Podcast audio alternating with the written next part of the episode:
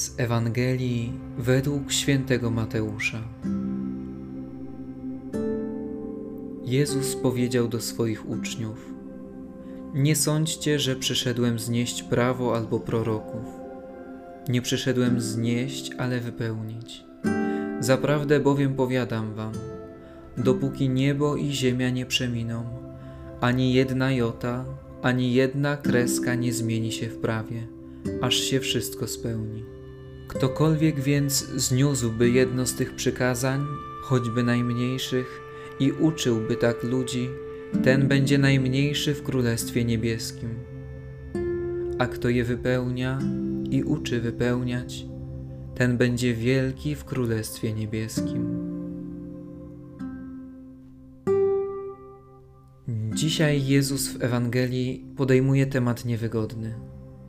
Jeżeli ktoś lubi, kiedy nakładane są na niego przepisy, jeszcze takie, z którymi nie do końca się zgadza, proszę niech się zgłosi do mnie.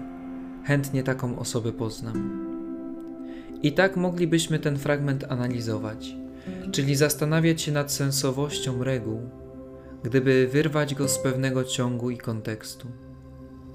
Jesteśmy zaraz po tym, jak Jezus mówi do nas: Wy jesteście solą ziemi, światłem świata.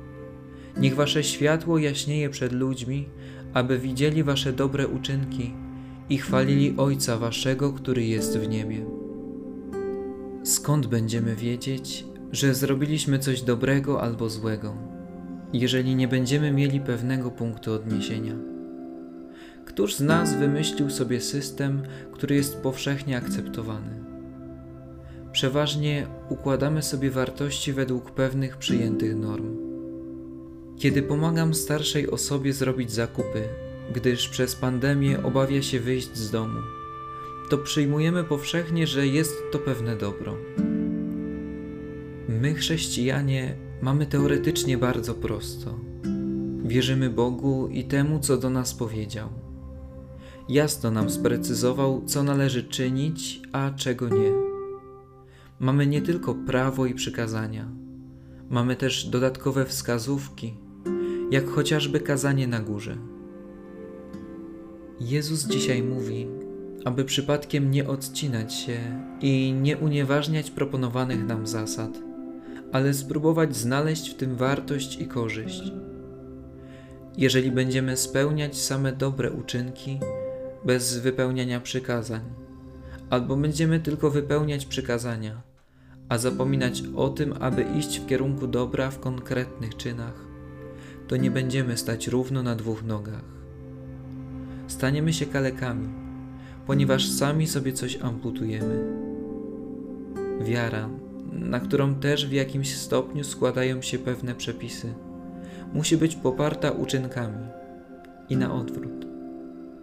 W momencie, gdy tak nie jest, zasadniczo możemy stwierdzić, że jesteśmy martwi. A przecież powołani jesteśmy do życia co więcej, do życia wiecznego. Zastanów się dzisiaj, co dobrego niosą mi prawa i przepisy, jak traktuję przykazania, ale także świeckie prawa, zasady, wytyczne i regulaminy. Co dobrego za nimi się kryje i czy potrafię to już odkryć?